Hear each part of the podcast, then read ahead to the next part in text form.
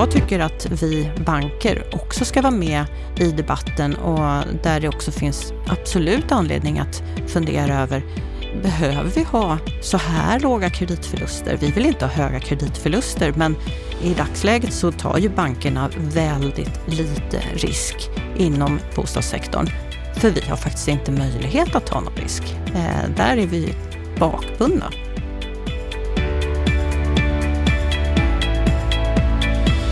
Hon vill se ett ökat ansvar, ett ökat risktagande från bankernas sida för att fler ska få råd att bo. Skandiabankens VD Johanna Servall hon menar att det problem som vi har nu och som vi kommer fortsätta att ha på bostadsmarknaden om vi fortsätter att göra som vi gör nu, det är ett problem som berör alla och därför borde fler ta sitt ansvar, inklusive bankerna. I den senaste rapporten som Skandia släppte så visar de att framtidens pensionärer, de riskerar att inte kunna köpa en bostad i många av våra städer just för att de inte får bolån. Det här är ett problem. Varmt välkommen till ännu ett intressant avsnitt av Bopolpodden där vi sist i det här programmet i veckans Aktuellt från i fredags lyfter ett mycket komplext område när det gäller det finansiella. Där Riksbanken fått kritik för att de har stödköpt företagsobligationer. Att skuldsättningen i världen ökar och det paradoxala i att hushållens sparande ökar i ett läge när de faktiskt skulle behöva spendera mera. Varför då? Och lyssna på veckans Aktuellt med Lennart Weiss där vi också kommenterar hans uttalande om att Gävle har drivit sovjetisk bostadspolitik. Jag heter Anna Bellman och jag är väldigt glad över att du lyssnar på Bopolpodden. Mer aktuella och fördjupade analyser det hittar du som vanligt på bostadspolitik.se. Men nu, nu drar vi igång det här programmet. I nästan hälften av Sveriges större städer så riskerar framtidens pensionärer att inte få köpa en bostad för att de inte får bolån. Det här är något som minskar rörligheten på bostadsmarknaden ytterligare. Det visar Skandias nya rapport Pensionär utan bostad som släpptes i slutet av augusti. Om bland annat det ska vi prata idag. Varmt välkommen till Bopolpodden Johanna Servall. Tack så mycket. Vad är din sinnesstämning idag? Eh, jag är ju faktiskt en, en, nästan alltid en väldigt glad person och jag eh, är positiv till att eh, det känns som att hjulen börjar snurra lite grann eh, mer i samhället. Så att, eh, eh ja, optimistisk, eh, härlig höstkänsla sådär.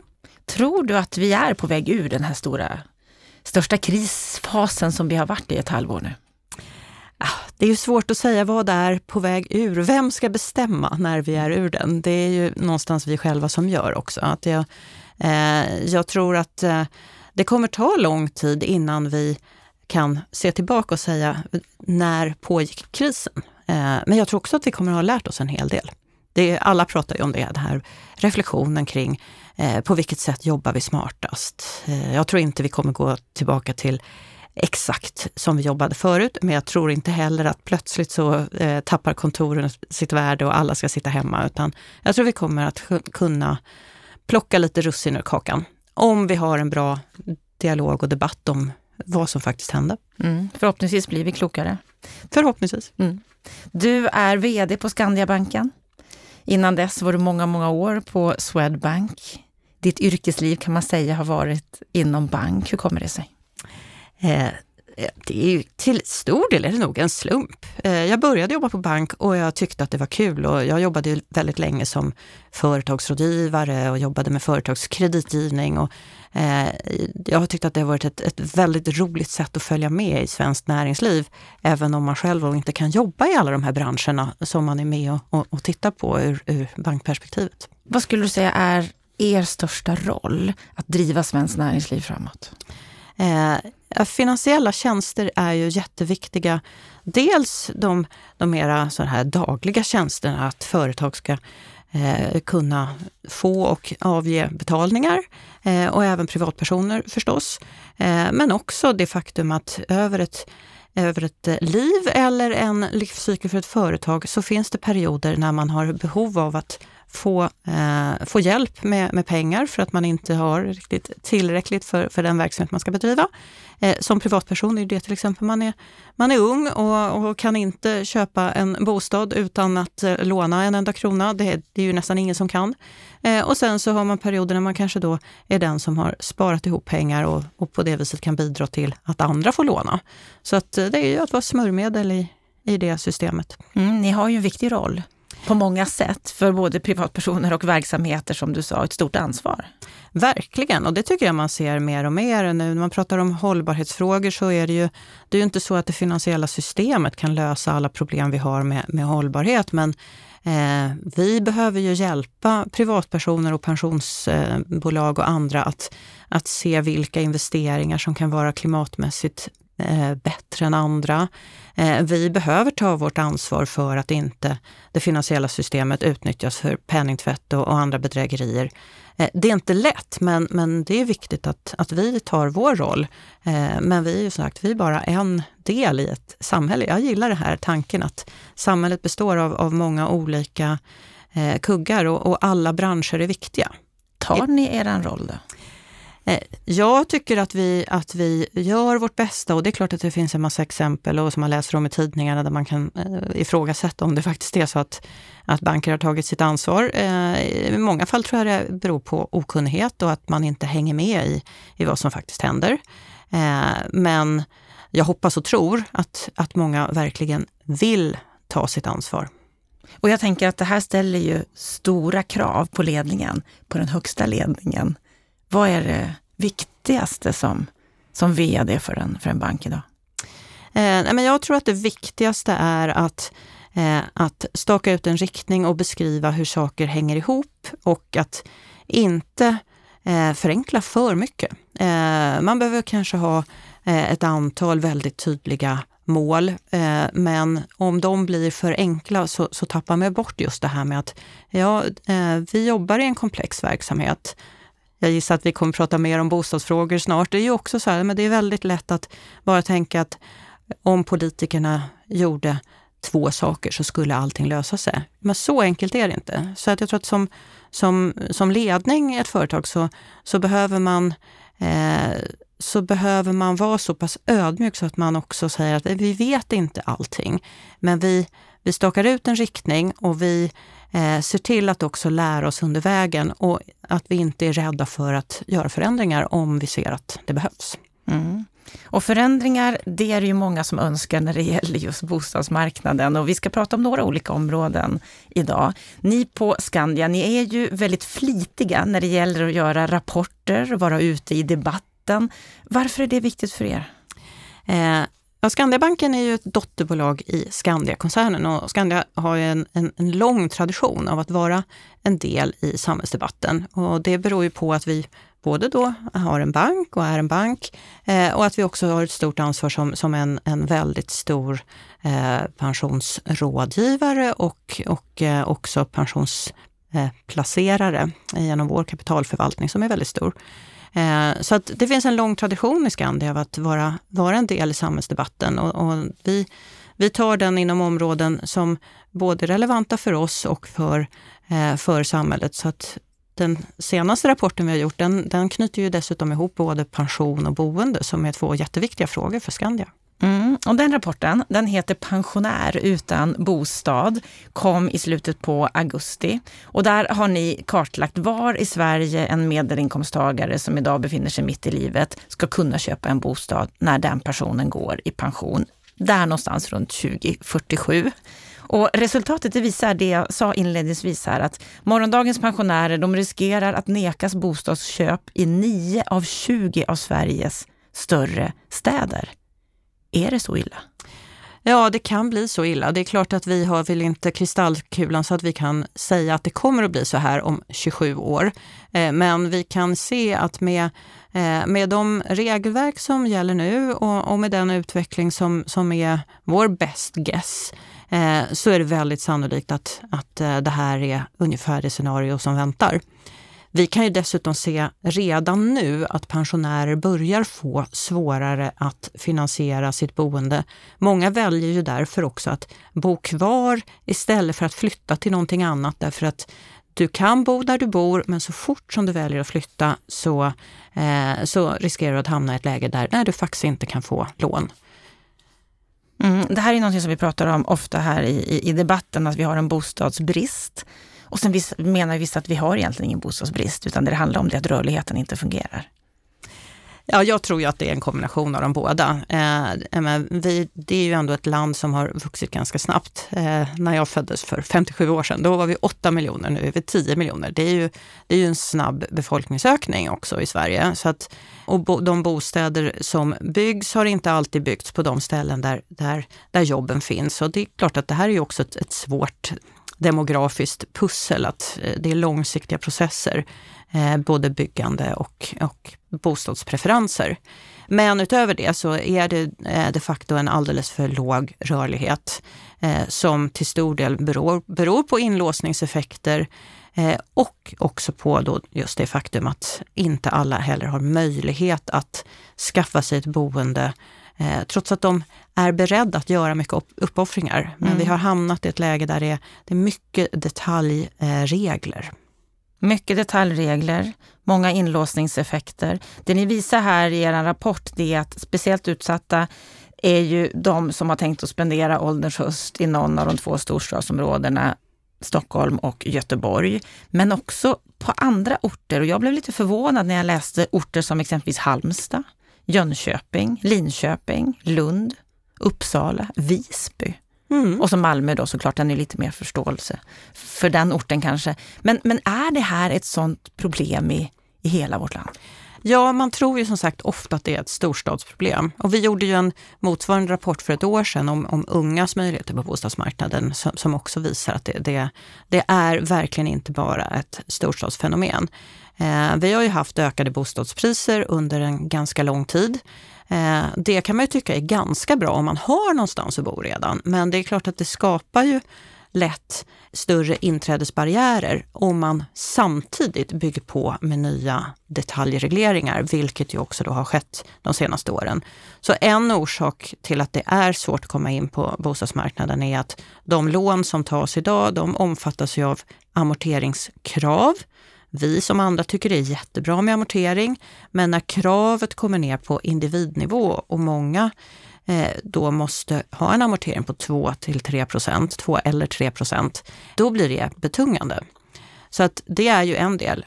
När vi sen pratar om de här blivande pensionärerna så är den allra viktigaste faktorn att när banken tittar på den här så kallade kvar att leva på-kalkylen, kalpen som nästan alla människor vet vad det är för någonting, då måste ju banken ta hänsyn till vilken inkomst man har som, som låntagare. Och det är ju helt rätt. Vi måste ju se att man klarar av de, de lån som ska betalas så småningom. Morgondagens pensionärer kommer inte alls ha samma goda pensionsvillkor som dagens pensionärer har. Utan vi eh, räknar med att den här personen har cirka 70 procent av sin slutlön i pension. Så det är ju den främsta anledningen att det kommer bli svårt att få byta sitt boende. Att de får sämre pension? De får sämre pension. De, de har, om, man, om man ska göra en kalkyl på inte 100 procent utan 70 procent så säger det sig självt att det är klart att det är en ganska stor skillnad. Eh, och där har ju Skandia också sedan tidigare sagt att det känns ju väldigt märkligt att man i Sverige har tagit bort alla former av incitament att pensionsspara själv. Det fanns ju tidigare eh, avdragsgillt pensionssparande. Det som finns nu, det är ju fortfarande ett avdragsgillt eh, lånande, det vill säga vi har ränteavdrag, men vi har inget incitament till pensionssparande. Eh, så att det känns ju lite bakvänt. Så man borde se till att det finns ett incitament, att individen ska ta ett större ansvar för sitt eget sparande, sin egen framtida pension. Är det det du menar? Ja, det är en, det, men sen, sen behöver man naturligtvis ta en debatt. Vad klarar samhället av? Hur ska den allmänna pensionen se ut? Eh, hur, kommer, eh, hur kommer tjänstepensionsvillkoren att se ut? Men eh, tittar man då 27 år framåt, om man tänker att man är 40 år idag och ändå realistiskt tittar på men vad kommer att hända om 27 år när jag räknar med att gå i pension?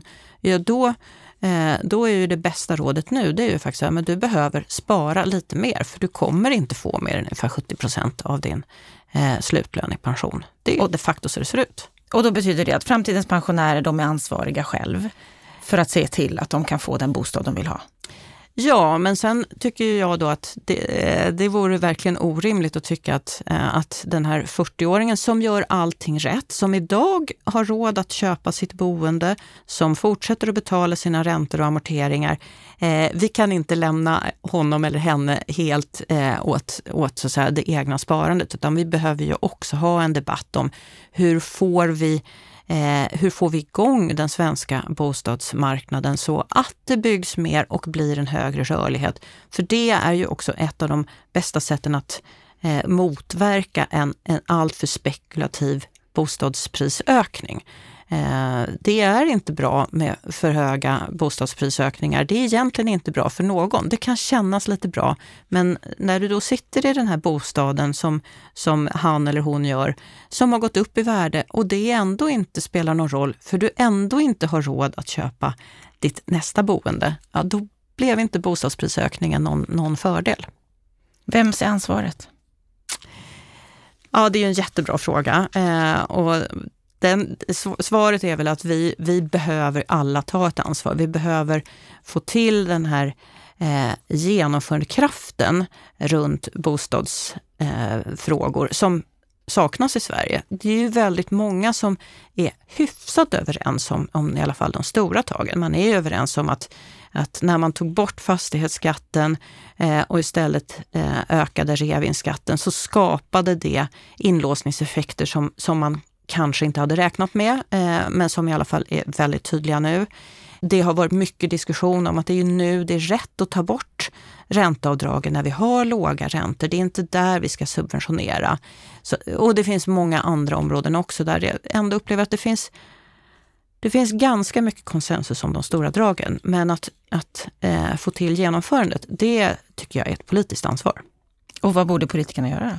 Varför skulle du förvänta dig från dem? Jag skulle förvänta mig att man, att man har en diskussion över ja, blockgränserna är kanske fel att säga nu, det finns väl inte riktigt block, men, men, men eh, man behöver ha en överenskommelse mellan de, de stora partierna så att man också kan skapa en, en långsiktighet i det man beslutar om. Sverige är ju inte det enda landet som har, eh, som har den här typen av problem. Det är, har varit bostadsprisökningar och kanske bubblor i många andra länder också.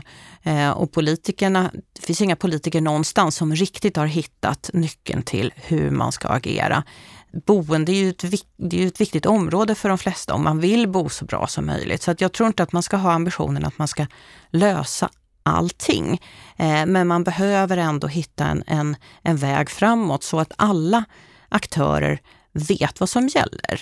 Som, som eh, bostadsköpare så måste du veta ungefär vad som kommer att gälla. Det kan inte komma nya amorteringskrav liksom, tre gånger på kort tid. Det kan inte eh, vara så att man plockar bort ränteavdragen plötsligt eh, från en dag till en annan naturligtvis. Fastighetsskatt är ju en, en eh, en svår fråga. Eh, men man behöver mycket hitta någon, på tapeten just nu. Mycket på mm. tapeten just nu, men samtidigt så är det ju klart att man får ha respekt för också att någonstans måste skatterna tas ut och om det då är genom något högre fastighetsskatt eller kommunal fastighetsavgift samtidigt som man sänker reavinstskatten eller någon annan kombination. Men det väsentliga är ju att eh, man behöver göra någonting som, som ökar rörligheten och man behöver göra någonting där politikerna också säger att nu kommer det här att gälla under åtminstone en, en, en rimlig tid framåt. För vi vill ju också ha bostadsbyggare som, som vågar bygga nya bostäder eftersom det är också en pusselbit. Du efterlyser stabilitet? Ja, det gör jag. Mm. Om vi ska titta på det här med kreditrestriktionerna då, generellt, alltså vad är, vad är din syn på, på dem? Att vi har de här amorteringskraven som bara har skärpts. Vad, vad, vad säger du? Ja, men man får ju säga det att det är klart att eh, banksystemet har ju delvis sig självt att skylla att eh, vi skapade under en period en amorteringskultur eh, som innebar att ingen amorterade praktiskt taget. Så att jag har förståelse för att Finansinspektionen inte tyckte att det var en bra situation. Men de facto så är ju alla överens om att vi vill ha en amortering eh, på bostadslån i Sverige och vi kan också konstatera att alla banker har, eh, har infört de krav som har, som har satts. Eh, vi ser att våra låntagare också vill amortera, men att ha amorteringskrav som som detaljreglerar hur bankerna ska sätta amortering på varje enskild individ. Det tycker jag rimmar illa med eh, att Finansinspektionen ska, ska se till stabiliteten i, i hela systemet. Sätt gärna krav på, på hur bankernas totala balansräkning ser ut och hur mycket amorteringar som, som på, på totalnivå behöver eh, tas ut. Men ge bankerna frihet att på individnivå eh, sätta Ja, ge, ge bankerna frihet att eh, ta den individuella diskussionen och inte eh, ställa så krångliga krav som man har idag. Mm. Förutom att det är eh, felaktigt i sak så är det ju dessutom så att Eh, de är nästan omöjliga att förstå för en privatperson som inte normalt sett jobbar med de här frågorna. Det sista amorteringskravet med eh, olika amorteringskrav beroende på vilken inkomstnivå man har i förhållande till lånebelopp. Och så ska man ta hänsyn till eventuella medlåntagare och, och deras inkomstnivåer. Det, det, är så krångligt så att det, eh, det är helt orimligt att, eh, att någon låntagare ska förstå det. Och här är det som du säger, det är många som är överens om att visst, det är jättebra att amortera på sina lån, men väldigt många olika rapporter är också ense om att kreditrestriktionerna de stänger ute enormt många ifrån bostadsmarknaden, både äldre och yngre nu som, som vi har nämnt här. Och vår bostadsminister Bolund han går ju helt i linje på Finansinspektionens krav här. Ja, eh, Sen vet inte jag, jag känner inte eh, vår finansmarknadsminister. Jag, jag, vet inte hur mycket som, som handlar om att man måste ställa sig bakom eh, så att säga, sin, eh, sin inspektion. Men jag tycker att eh, även Finansinspektionen borde kunna eh, vara med i en sansad debatt om en förändring nu när vi de facto har fått till en amorteringskultur. För att jag tror att vi i sak är överens om att det var viktigt eh, och det, det finns på plats nu. Men det här är ju en, ett inlåsningsproblem och det blir ju än värre av att man har inga amorteringskrav på de lån som, som upptogs före vad det nu är, 2015. Vilket ju skapar också en inlåsningseffekt för personer med den typen av lån och som vet att flyttar jag och ska ta ett nytt lån, då blir det plötsligt ett amorteringskrav på det. Så det finns ju väldigt många bäckar små som bidrar till inlåsningseffekterna. Stämpelskatt vid, vid köp av villor till exempel är en annan sån. Det är inte orimligt att ha stämpelskatt, men en procentuell stämpelskatt när fastighetspriserna går upp, den svider ganska mycket på, eh, på många håll. Mm. Vi brukar ju eh, prata om just det här, svårigheten att ta sig in på marknaden och du har ju själv varit inne på det här med kalkylen, att man måste kunna räkna med att kunna klara en ränta på en 7-8 procent när man köper sin bostad, vilket väldigt få unga personer har möjlighet att göra, även om man har fast inkomst. Vad har ni som banker för ansvar här när det gäller den här biten? Jag skulle säga att eh, vi har ju ett ansvar att, att göra kalkyler som, som vi tycker är realistiska och, och, och, och som, eh, där vi kan känna tilltro till att, eh, att den låntagaren klarar av att betala sitt lån, och, vilket är också såklart viktigt för banken. Men eh, i dagsläget, som du säger, med, åtminstone vi har ju idag 6,5 procent som vi räknar med kalkylränta, mellan 6 och 7 procent kanske de flesta banker ligger på nu. Eh, jag tror att om man drastiskt skulle dra ner den så tror jag nog att Finansinspektionen skulle lägga sig i det också. Finansinspektionen är eh, ganska intresserad av bankernas eh, kalp kalkyler också. Så ni ligger kvar reda, reda vägen in, liksom hela vägen in till eh, vilket, eh, vilket lunchavdrag eh, har ni då för era kunder. Mm. Så ni ligger kvar på den här relativt höga nivån, för räntan är ju låg och det finns ju ingen som tror att den kommer att stiga nämnvärt i överskådlig tid. Så ni ligger kvar på en hög nivå för att Finansinspektionen kan komma och lägga sig i? Nej, det ska jag inte säga. Det, det, eh, jag sa det ju nästan, men, men eh, vi tycker ju att det, det, är klart att det är rimligt att ha en buffert i sin kalkyl. Men den bufferten, den satte vi ju eh, innan vi var tvungna att lägga 3 amorteringskrav då på många nya låntagare. Så det är klart att, att när man har en ränta på i storleksordningen 1,5 procent men kalkylen ska klara 9 procent så, så då, då har man en, en väldigt kraftig buffert. Eh, så visst, visst har kvar att leva på kalkylen en, eh, en, en roll i det. Men kanske inte bara, man stirrar sig ju väldigt lätt blind på just räntefaktorn. Att det finns en kudde i kalkylen tror jag är bra, men eh, vi har ju heller inte möjlighet att räkna på att, säg en ung person eh, kan ha en helt annan eh, inkomstutveckling än en lite äldre person. Det, det, finns inte möjlighet för oss att ta med det i våra kalkyler.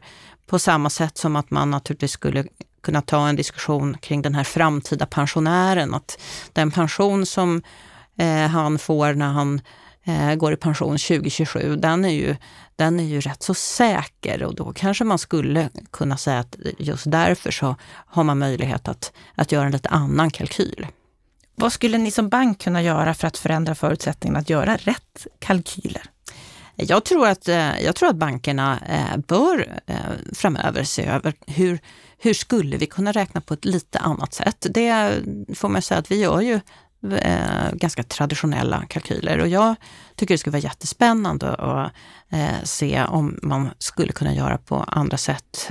Inte minst nu när vi också kommer få tillgång till en hel del annan information. Med PSD2 till exempel så skulle vi på ett annat sätt än vad vi gjort hittills. Titta på historiska löneinbetalningar.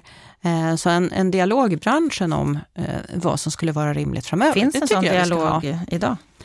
Just nu tror jag vi har haft ganska lite tid att ha den dialogen, för vi har haft så mycket nya regelverk som vi har jobbat med. Plus Eh, vilket jag tycker är jätteviktigt att vi har jobbat då med, eh, med hela penningtvättsområdet. Så mm, jag hoppas och tror att vi kommer ha lite mer utrymme framöver. Skulle Finansinspektionen lyssna om ni kommer med nytt förslag? Nu ska jag ju vara tydlig och säga att det är ju inte Finansinspektionen som sätter eh, bankernas kalkylräntor. Det ska jag vara tydlig med. Eh, men de är intresserade av hur bankerna räknar eh, och jag tror absolut att man kan ha en dialog med Finansinspektionen i den här frågan också. Vi har ju i stora delar en bra dialog med Finansinspektionen, även om jag personligen i alla fall har en helt annan syn än dem när det gäller våra amorteringskrav. Mm, du vill se lite andra sätt där. En annan statistik som ni på Skandia nyligen har tagit fram, det är att idag har var fjärde ung låntagare i Sverige en förälder som medlåntagare till sitt bolån. Det här är någonting som bara ökar och sen de här nya kreditrestriktionerna infördes så har det ökat ännu mer att unga låntagare får en, eller har en förälder som medlåntagare. Och det här bidrar till att det blir ännu större klyftor alla har ju inte möjlighet Nej. att ha en medlåntagare. Och du sa när ni släppte den rapporten, så sa du så här att vi ser behovet av att regelverken blir mer flexibla och tar hänsyn till varje enskilds livssituation. Precis det du har nämnt här också. På vilket sätt tycker du att regelverken ska bli mer flexibla? Eh, ja, först och främst så gäller det amorteringskravet. Det är ju en, det är en, en betungande faktor, framförallt för de unga. Eh, den, eh, det, det, känns inte rimligt att man ska behöva börja sin bostadskarriär med 3% amortering när man kanske har 30-40 år på sig att amortera ner på sitt lån. Eh, så det tycker jag är den, den, den främsta. Och sen eh, tror jag att man behöver även där, om man då ska se det här som en del i en större helhet, man behöver nog fundera över om bankerna ska tillåtas ta lite mer kreditrisk också på, på vissa eh, typer av låntagare, till exempel unga, just för att hjälpa personer in på bostadsmarknaden. Jag är jättebekymrad över precis det du säger då, att det är väl okej för den förälder som har möjlighet att vara medlåntagare, men det är inte alla unga idag som har det och då blir det väldigt stora klyftor i samhället. Självklart om man är, om man är nyinflyttad i Sverige och har ett barn som har precis pluggat klart och fått sitt första jobb, så har man antagligen svårt eh, att fungera som medlåntagare. Men det finns massor av andra situationer. Föräldrar som har tre eller fyra barn, där är det plötsligt lite svårare. Föräldrar som kanske själva precis ligger i en skilsmässa och så ska barnen flytta. Och jag tror också att vi kommer att se att en del av de här föräldrarna som är medlåntagare, de kommer ju själva få bekymmer då när de går i pension och kanske tänker sig att få flytta en gång till i livet. Det är inte orimligt att man ska kunna flytta när man är 60 plus om man har en förväntad återstående livslängd på 25-30 år.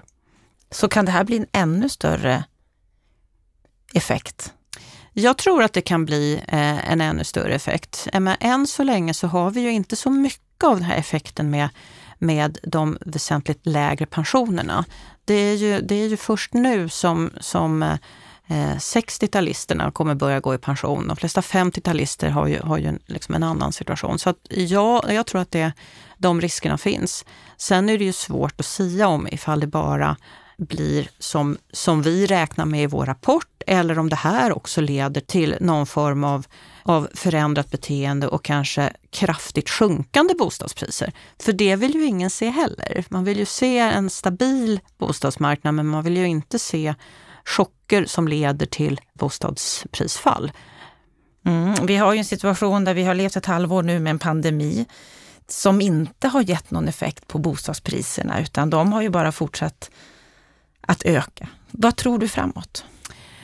Jag tror ju att det faktum att en så svår kris bara blir lite krusningar på ytan visar just att vi har en bestående bostadsbrist. Vi har väldigt många som inte har möjlighet att flytta till det här lite större boendet eller flytta till den här orten där, där eh, det finns ett annat jobb eller där min käresta bor eller vad det nu är för någonting. Så att jag tror att det faktum att krisen snarare får fler att känna, men då kanske jag ska ta chansen att byta boende. Ja, men det visar att vi har, vi har faktiskt stora problem på bostadsmarknaden. Vi, det är naturligt att under ett liv har man periodvis behov eller önskemål om att flytta. Och nu flyttar vi mer och mer sällan för att det kostar så pass mycket. Har vi anledning att vara riktigt oroliga för utvecklingen? Det hoppas jag inte. Jag vill ju fortfarande tro att, eh, att eh, det finns så pass många förnuftiga människor som är beredda att ta debatten. Och jag hoppas verkligen att, eh, att vi inte ska hamna i någon sorts skyttegravskrig utan känna att det här, det här är viktigt för hela samhället. Och jag tycker kanske framför allt just för att vi riskerar ökade klyftor mellan unga och gamla och mellan eh, olika kategorier i övrigt och, och mellan nyinflyttade eh, till Sverige och, och de som har varit etablerade här sedan länge. Eh, och det blir väldigt, väldigt dåligt för samhället av många andra skäl. Vilka önskar du skulle ta debatten? I första hand önskar jag politikerna, men eh, det är ju viktigt att politikerna också lyssnar på eh, de aktörer som finns, som finns i, i de branscher som berörs. Och jag tycker att eh, Eh, Eh, att vi banker också ska vara med i debatten och där det också finns absolut anledning att fundera över är det, behöver vi ha så här låga kreditförluster? Vi vill inte ha höga kreditförluster, men i dagsläget så, så tar ju bankerna väldigt lite risk inom bostadssektorn. För vi har faktiskt inte möjlighet att ta någon risk. Eh, där är vi bakbundna. Men ni skulle kunna göra det? Alltså inom, inom rimliga gränser. Jag talar inte om, om eh, liksom några stora förändringar mot idag, men jag tycker ju att det skulle vara intressant att, att eh, kunna hitta en nivå där man säger att en, en liten andel av bankernas utlåning eh, skulle kunna gå till, till unga låntagare med, eh, med en risk som är lite högre. Ja. Och då skulle det ge effekter? Jag tror det. Jag tror också att det är viktigt att man, men det är ju också ett signalvärde i att man ser att det här är ett problem som, som vi alla eh, är bekymrade för och att vi, att vi gör någonting. Som jag sa förut, jag tror inte att det, det finns ingen quick fix. Det finns ingen sån här eh, nyckel som vi, har, som vi inte har hittat än och som vi hittar och då blir allting bra. Men bara för att problemet är så pass stort som det är nu så eh, har vi inte rätt att eh, göra ingenting. Mm, det finns ingen quick fix. Ännu fler behöver engagera sig, politikerna behöver ta debatten och bankerna skulle kunna ta lite mer risk för att vi ska få till en bättre situation på bostadsmarknaden än vad vi har idag. Ja, och vad vi har att vänta oss framåt. Mm. Stort tack för att du kom och delade dina tankar och åsikter här i Bopolpodden, Johanna Servall. Tack så mycket.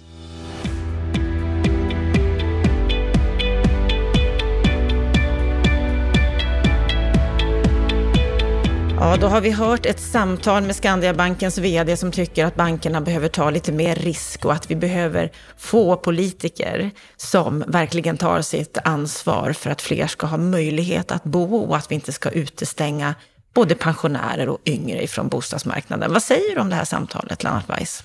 Ja, jag blev påmind om varför Johanna Servall har stått på min eh, äta lunchlista ganska länge utan att jag har lyckats få till det. Eh, och den tanken hade jag redan förra året när de kom med sin rapport som belyste de yngre hushållens eh, situation på bostadsmarknaden. Och nu när de har kommit med en ny rapport, Pensionär utan bostad, där man belyser de äldres eh, problem. Som på ett, sätt, ehm, på ett sätt kan man säga att de yngres och äldres problem hänger ihop som, som i ett kommunicerande flöde så blir jag ännu mer övertygad om att eh, Johanna har en viktig roll i debatten och eh, det skulle vara kul att träffa henne och prata vidare om de här sakerna. Jag kan konstatera att jag har en väldigt stor värdegemenskap med henne när det gäller analysen av de här frågorna. Så jag har liksom egentligen inga stora invändningar, men det är klart att man häpnar ju lite inför den data de tar fram, där man alltså säger att dagens 40-åringar som går i pension ungefär 2047 där kommer alltså 50 procent inte kunna köpa en bostad i 9 av 10 kommuner därför att deras pensioner kommer att vara för svaga. I 9 av 20 kommuner? I 9 av 20, I 9 av 20 kommuner, riktigt. Jag läste fel här. Um, det, är ju, det studsar man på och hon, hon antyder ju precis det vi känner till. Det är att eh, de som går i pension om 20 år kommer ju att ha en sämre pension än de som går i pension idag. 40 40-talisterna och i hög grad också 50-talisterna, de har surfat på ett bättre pensionssystem än det dagens unga gör, vilket ju är ytterligare en aspekt på den här generationsklyftan som vi ofta pratar om. Generationsklyftan är en del av det nya klassamhället som man måste lyfta fram och det tycker jag att de gör på ett förtjänstfullt sätt. Vi pratade ju en hel del i samtalet om bankernas roll och ansvar och vi tog upp det här med att det finns många inlåsningseffekter, kreditrestriktioner, som, som ju hon håller med om att det här, det, det funkar ju inte i, i, dagens system. Men också detta med kalp, kalkylen, kvar att leva på. Mm. Va, va, vad säger du om resonemanget där? Ja, ja hon, hon för egentligen två resonemang kring inlåsningseffekterna, eh, där båda är värda att lyfta upp. Hon pekar ju på att Ehm, förändringen av fastighetsbeskattningssystemet eh, något oväntat skapade inlåsningseffekter. Det vill säga hushållen framförallt kring, kring eh, Stockholm och Göteborg som, bodde, eh, som bor i egna hem eller bostadsrätter. De fick ju oerhörda förmögenhetsvärden över en natt tack vare att beskattningen minskade. Alltså den lägre skatten kapitaliserades i fastighetsvärdet enkelt talat och då finns det ju väldigt få motiv att flytta till någonting som är mindre och dyrare. Så där har du en, en aspekt på det. Och det andra är ju att när pensionärerna själva då ska gå ut och låna, då drabbas ju de av samma kreditrestriktioner som de som ska in på bostadsmarknaden idag, de unga. Och jag brukar ju själv lyfta fram just kalpräntorna som ett problem.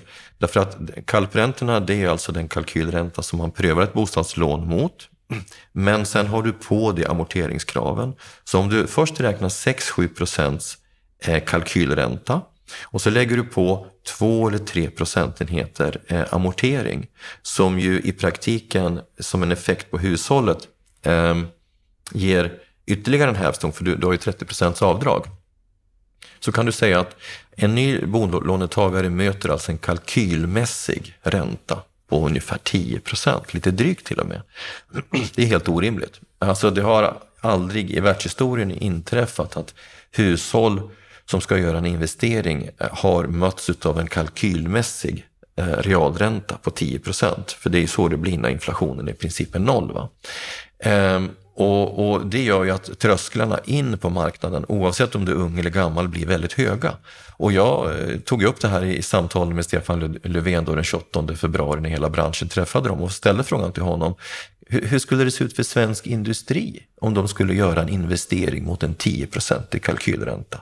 Hur mycket investeringar skulle det bli då? Då flackar han ju med blicken. Han inser att det är helt orimligt. Och när jag sen följde upp samma fråga till Per Bolund så säger han, jo vi ser målkonflikten. Jo visst, men de gör ju ingenting åt den.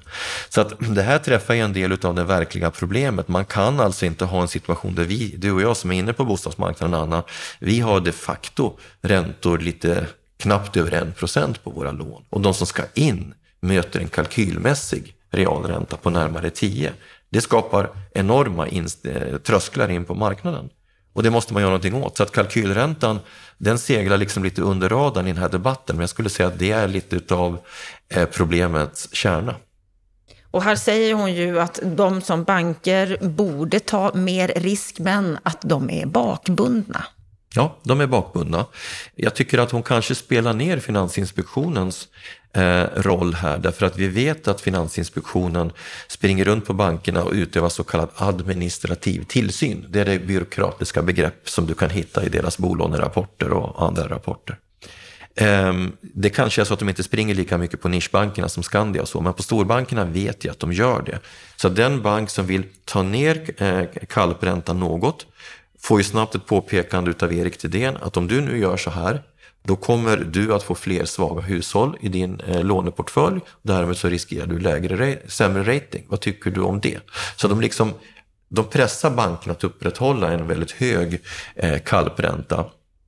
Jag brukar för min del alltid när jag träffar ekonomer fråga eh, Ge mig ett scenario där eh, räntan eh, är 5, 6, 7 procent. Och då säger de att det finns inget sådant scenario. Eh, vad är motivet till att upprätthålla en på den här nivån? Ja, det finns inga sådana motiv. Utan tvärtom så säger ju även riksbankschefen nu att allt talar för att vi kommer att ha väldigt låga räntor för väldigt lång tid. Och man kan också säga att den allt större globala skuldsättningen både på statlig nivå, företagsnivå och hushållsnivå kommer att göra det närmast omöjligt att höja räntorna till det som då har betraktats som en historisk normalnivå. Den nya normalnivån är mycket, mycket, mycket lägre och det borde kalpräntorna anpassa sig till. Och här påpekar Johanna Servall i förbigående att de här buffertarna som finns i kalpräntorna, de infördes ju innan de amorteringskrav som vi har idag infördes. Det vill säga man borde ha gjort en justering av kalpräntorna i och med att man också införde amorteringskrav, men det har inte skett. Många har ju påpekat vikten av att göra det, av att justera ner det här så att det ska bli mer rimligt, att fler ska få möjlighet. Mm. Men kommer vi få fortsätta att höra de här kraven, debatten, att ingenting görs? Ja, just, jag har ställt frågan både till Finansinspektionen och Bankföreningen. Varför kan ni, ta inte ni något initiativ? Bankföreningen säger att det här är inte deras uppgift och skulle de börja riva i det, då kunde eh, Konkurrensverket komma farande och beskylla dem för kartellbildning. Eh, och Finansinspektionen säger att det ska bankerna göra själva. Men när bankerna försöker, någon enskild bank försöker agera i, i, och styra ner räntorna, då kommer ju Finansinspektionens eh, Eh, administrativa tillsyn. Så jag tror att det här måste landa i att det politiska systemet gör det tydligt för myndigheten att de måste justera räntorna. Men jag, jag tar ju fasta på att det hon säger allra sist, som jag tycker är ett väldigt viktigt påpekande, och det är att bankerna tar väldigt lite risk idag. Alltså du kan ju jämföra, har du ett CSN-lån? Nej, Nej, du har inte det. Men om, om, om du hade haft ett CSN-lån så skulle du idag ha, ha kunnat ta, eh, så skulle du haft 16 punkter, alltså 0,016 procents ränta på ditt CSN-lån. På en skuld som du har utan säkerheter. Men om du köper en bostad och har säkerheter, då ska du alltså Eh, ta höjd för risker motsvarande 10% realränta eller banklån då eh, på ett par procentenheter plus amorteringar på det. Så att det, det, det finns liksom ingen rim och reson i resonemanget om riskerna i den här sektorn. Och det finns framförallt ingen koppling till risker och människors basala behov av att bo. Självklart kan bankerna ta lite mer risk här. Och, och hennes synsätt att en del av bankens utlåning skulle kunna gå till unga hushåll med något högre risk det skulle vara en piss i Mississippi. Det skulle inte göra någonting. Men så bankerna har ändå ett manöverutrymme här? De har ett litet manöverutrymme, men de måste i så fall agera relativt samfällt så att inte man vältrar över svagare hushåll från en portfölj till en annan. De skulle behöva agera mer samordnat, men eftersom alla skyller på alla här så tror jag att det politiska systemet måste säga till till den Nämligen det uppenbara. Det, det som står först i Erik Thedéens, i Finansinspektionens instruktion, det är att de ska verka för fungerande finansiella marknader. Och det målet styr de inte emot. De styr istället mot mer regleringar. Så att de uppfyller ju faktiskt inte sitt grundläggande uppdrag och det borde man ju faktiskt påpeka. Men det, det förutsätter nog förmodligen en mer kompetent och stark finansmarknadsminister än vad vi har idag. Vi kommer fortsätta att prata om de här sakerna så länge landet ligger som det gör. Det var det vi hade från eh, Bopolpodden och kommentaren om samtalet med Johanna Servall. Tack, Lennart Weiss. Då har vi hört samtalet med Johanna Servall och Lennart Weiss kommentar på det. Nu ska vi få en repris av det Veckans Aktuellt som vi sände i fredags om komplexiteten i de finansiella marknaderna och hur vi ska få allting att hänga ihop. Här hör du det.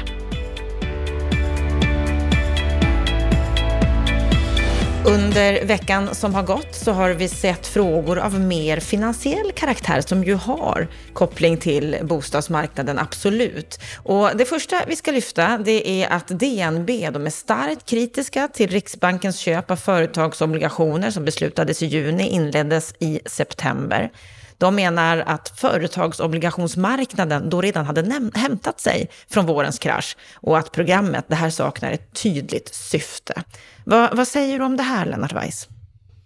Jag tror att DNB har rätt. Eh, jag råkade av en ren slump äta frukost förra veckan med en av eh, de verkliga tungviktarna i svenskt näringsliv eh, som har koppling till den industriella sektorn. Och då, då ställde jag faktiskt den här frågan. Hur han såg på på eh, Riksbankens stödköp av företagsobligationer. Min fråga var, fungerar inte den här eh, sektorn eh, och behövs det stöd? Och då sa han, den fungerar alldeles utmärkt, men det är klart att om Riksbanken vill skicka billiga pengar till oss så tackar vi ju inte nej.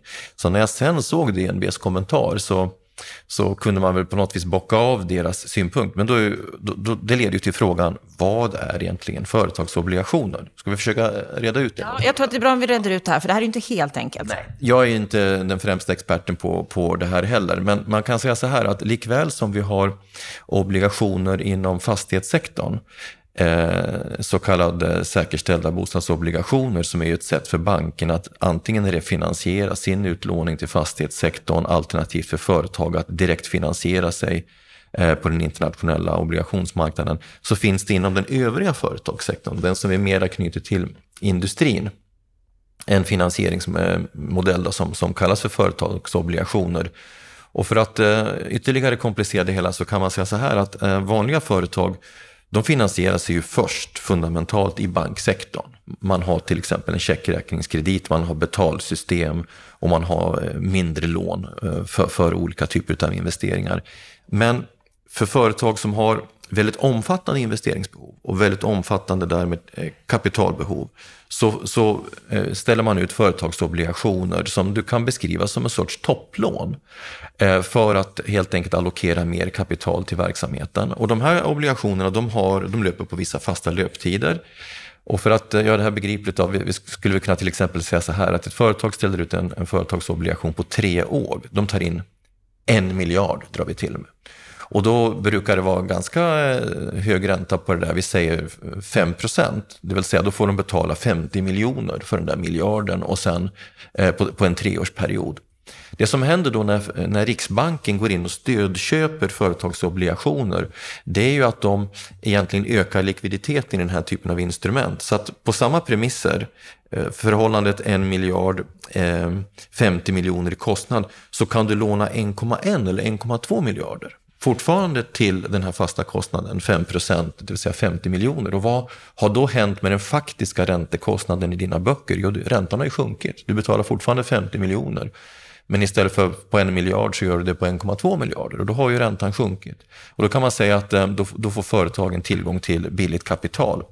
Eh, är det där bra eller dåligt? Ja, i grunden är det ju bra att den där sektorn fungerar. och, och man ska naturligtvis justera i de här marknaderna så att vi får välfungerande marknader så att industrin investerar och vi på det sättet håller uppe tillväxten.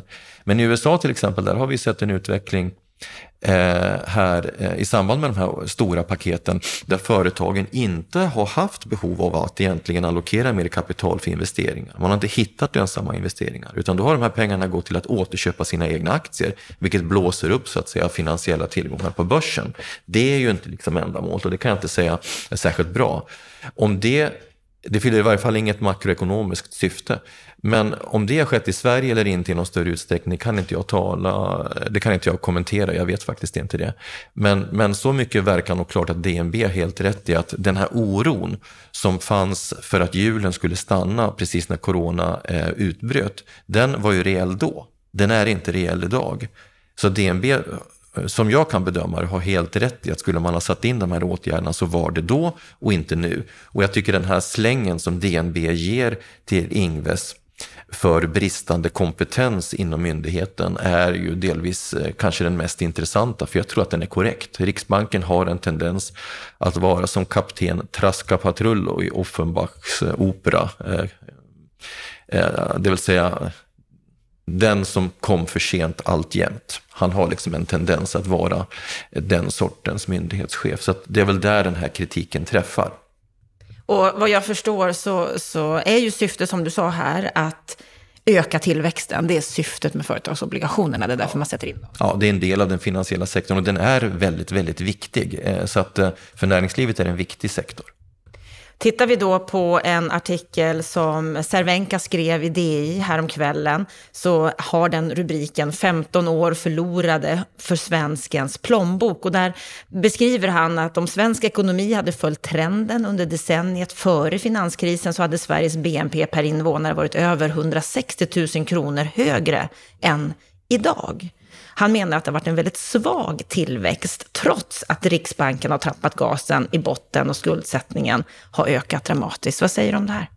Ja, nu är vi inne på kanske det absolut svåraste som finns att kommentera när det gäller ekonomiska samband. Och jag kan säga så här, att för det första tänker jag inte låtsas vara expert på det här. För det andra så är det viktigt att påpeka att när det gäller de här frågorna så finns det liksom ingen konsensus ens i ekonomkretsar. Vi kan möjligen enas om en sak, det här är ett ämne för en egen podd och en expert på högre eh, nivå än Lennart Weiss. Men om jag ska ge mig in eh, lite och kommentera det ändå, så, så kan man säga att han pekar på samband som är väldigt intressanta. Det vill säga efter Lehman-kraschen och den internationella eh, finanskrisen så har alltså riksbankerna worldwide skapat mer pengar i systemet genom att helt enkelt på datorn skapa elektroniska pengar. Man trycker ut mer pengar i systemet. Och då borde ju det enligt traditionell ekonomisk teori dels leda till tillväxt, för andra inflation. Och, och det Cervenka helt riktigt påpekar att ingen av de här två sakerna händer. Och när man då frågar ekonomer om det så säger de att vi förstår inte själva vad som händer. En del säger att det beror på globaliseringen på något sorts allmänt sätt. En del säger att det här kanske beror på att marknaden har blivit mer transparenta tack vare till exempel företag som Amazon som liksom kan, kan åskådliggöra för en världsmarknad hur priser eh, för olika varor och produkter ser ut. Och eftersom de kan köpa väldigt billigt, tillverka i lågprisländer, så uppstår det liksom ingen inflation. Va? Och det Cervenka pekar på, det är ju att vi trycker mer pengar som å ena sidan inte ger de önskvärda effekterna i ekonomin, det vill säga de driver inte tillväxten, de, vi, vi, har inte den sunda underliggande inflation som vi borde, men de skapar ökade värden på så kallade tillgångsmarknader, det vill säga på, på fastigheter och aktier. Och det är klart att då kan man säga att de som har fastigheter och aktier, de blir ju mer förmögna.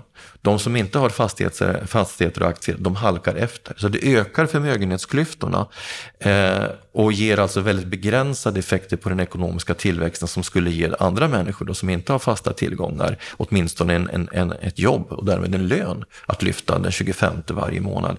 Så att här finns liksom ett frågekomplex som hela den nationalekonomiska teorin Eh, eller i varje fall den nationalekonomiska debatten kretsar kring. Och det här är extremt svåra samband eh, som reser relevanta eh, frågor. Det är inte tu tal om den saken. Sen kan jag ju tycka att det finns en tendens från journalistiskt håll att förenkla de här frågorna också. För att eh, Cervenka har ju gärna en, en förkärlek för att dra in hushållens skulder och, och, och göra det till ett problem. Men det är klart att det är också ett faktum att, de, att, att, hushållen i Sverige som till väldigt stor andel är eh, ägare utav egna bostäder har ju fått en, en förmögenhetstillväxt som kommer tillbaka till systemet när man så att säga köper nästa bostad.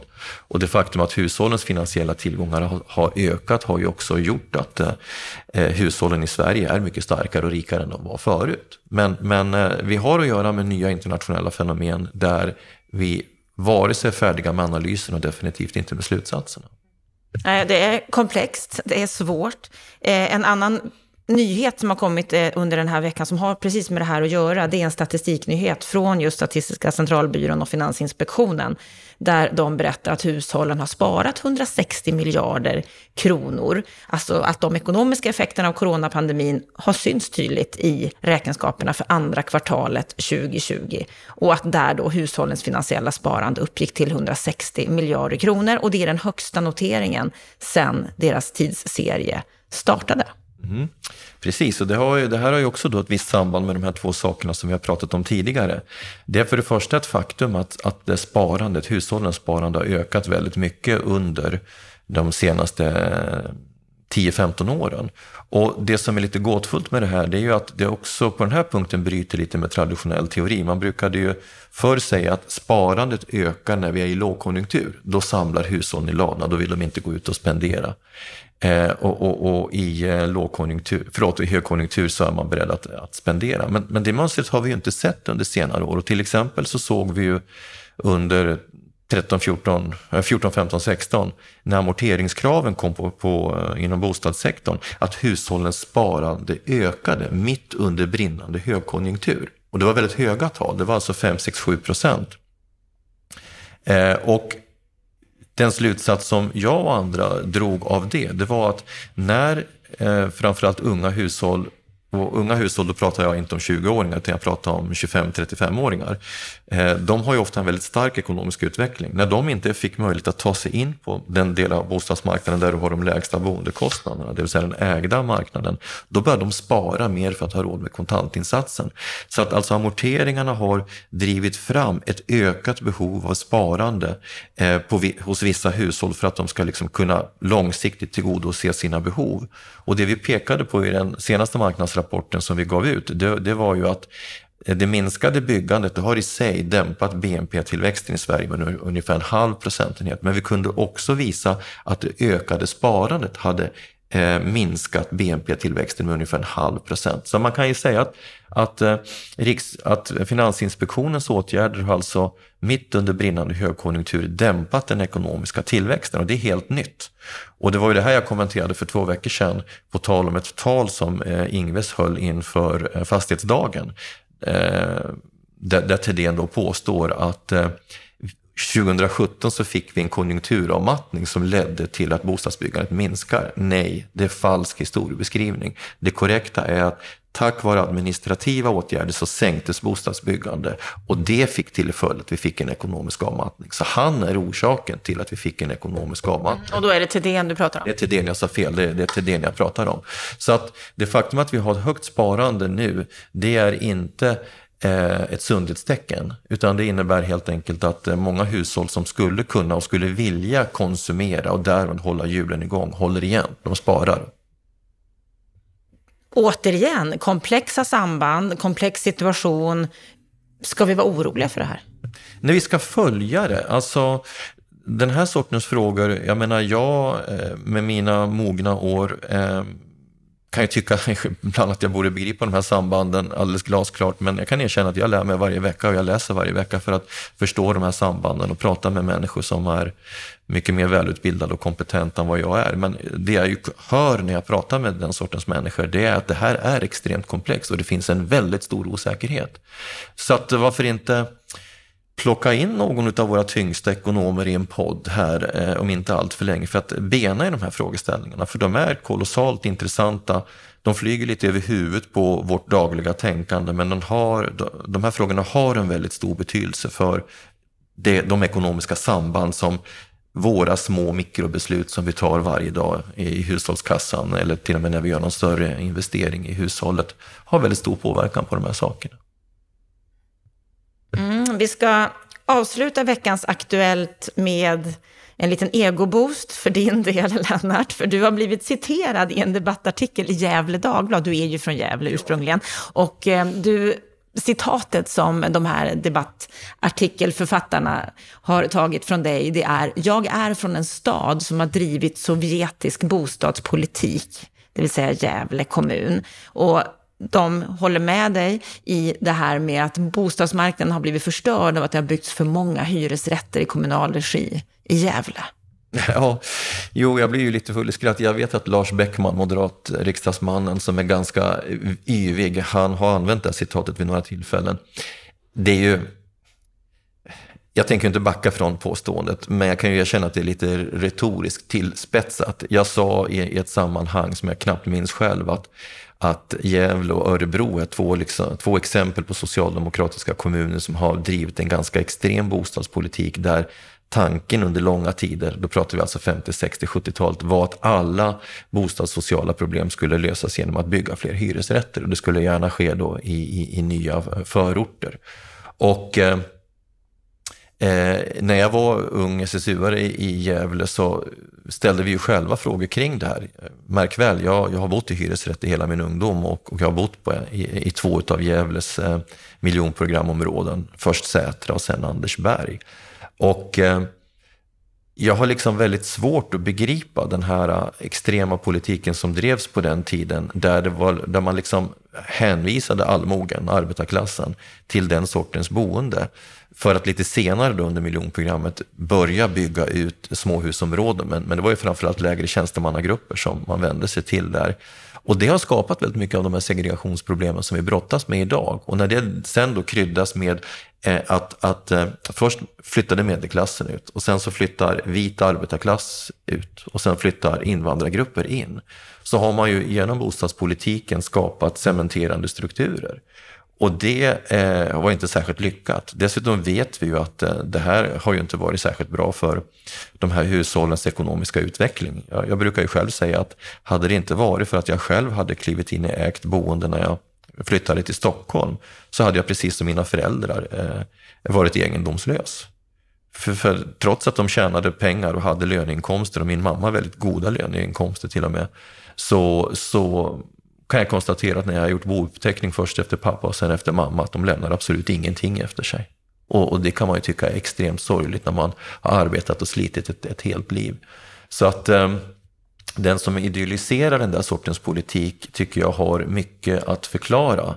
Jag vet att Marie Linder brukar reagera till och med med ilska över begreppet eh, bostadskarriär, bokarriär. Men faktum är att eh, min personliga klassresa och många välbeställda arbetares klassresa har i väldigt många eh, avseenden gått genom deras eh, bostadsresa, genom deras bostadskarriär. Och eh, de kommuner som har drivit den här sortens politik som Gävle och Örebro har gjort, har på det sättet cementerat ett, ett gammalt klassamhälle. Och det eh, har jag då kallat sovjetiskt i något sammanhang eh, och det får jag stå för. Men eh, jag kan väl kalla det för en olycklig baksida utav socialdemokratisk eh, dogmatism snarare. Men du står ändå fast vid socialdemokratisk politik? Ja, jag är socialdemokrat till mina värderingar. Alltså jämlikhetstanken som ideal och värdering, den står jag för. Och jag menar liksom att man måste använda olika sorters politik för att utjämna förhållanden i samhället. Men för att knyta till en, till en aktuell, annan debatt, nu går vi lite utanför vår planering här, men jag tittade på dokument utifrån i söndags som handlade om konspirationernas USA. Och vilka grupper är det som har hamnat i konspirationernas klor? Jo, det är de som bor i, i eh, sådana här trail parks. Det är människor med extremt låga inkomster, tillfälliga inkomster. Människor som typiskt sett har förlorat hoppet om att de ska få det bättre. Och det finns ett gammalt danskt eh, ut, eh, uttryckssätt som, som, som säger att, säger att när, människan, när en människa har det så bra att han inte kan få det bättre, då har han inte längre så bra. Och är du då dessutom eh, underprivilegierad eh, arbetarklass, kallas i USA för white trash, du har tappat tron på allt, då är det lätt att bli offer för en galning på Infowars eller titta på Fox News eller höra Trumps eh, konspirationsteorier. Och i Sverige så kan vi ju se att vi har höger eh, extrema kretsar som spekulerar i samma typ av retorik. Och jag kan bara konstatera, det en gammal metallombudsman, eh, Arne Holmgren, sa till mig i Gävle när jag var ung SSU-are. Kom ihåg en sak, eh, Lennart, sa han. Arbetarklassen är antingen radikal eller reaktionär. Och det där har jag tänkt på under hela mitt liv. Och nu har vi starka tecken som tyder på att arbetarklassen blir reaktionär. Och det är inte bra. Och det kan vi sätta ihop med de här eh, sammanhangen. När man inte längre har hopp om att få det bättre, då blir man reaktionär. Så att uppmuntra och hjälpa människor att göra en bostadskarriär, det är en del av de här sakerna som motverkar eh, politiska avarter som, som definitivt inte gör det här samhället bättre, utan tvärtom mycket sämre. Det här är ett ämne som vi absolut ska återkomma till och som vi ju berör med jämna mellanrum. Och jag tror vi ska bjuda in Marie Linder till ett samtal. För det här behöver vi ju fortsätta att diskutera och försöka stävja på något sätt i vårt samhälle.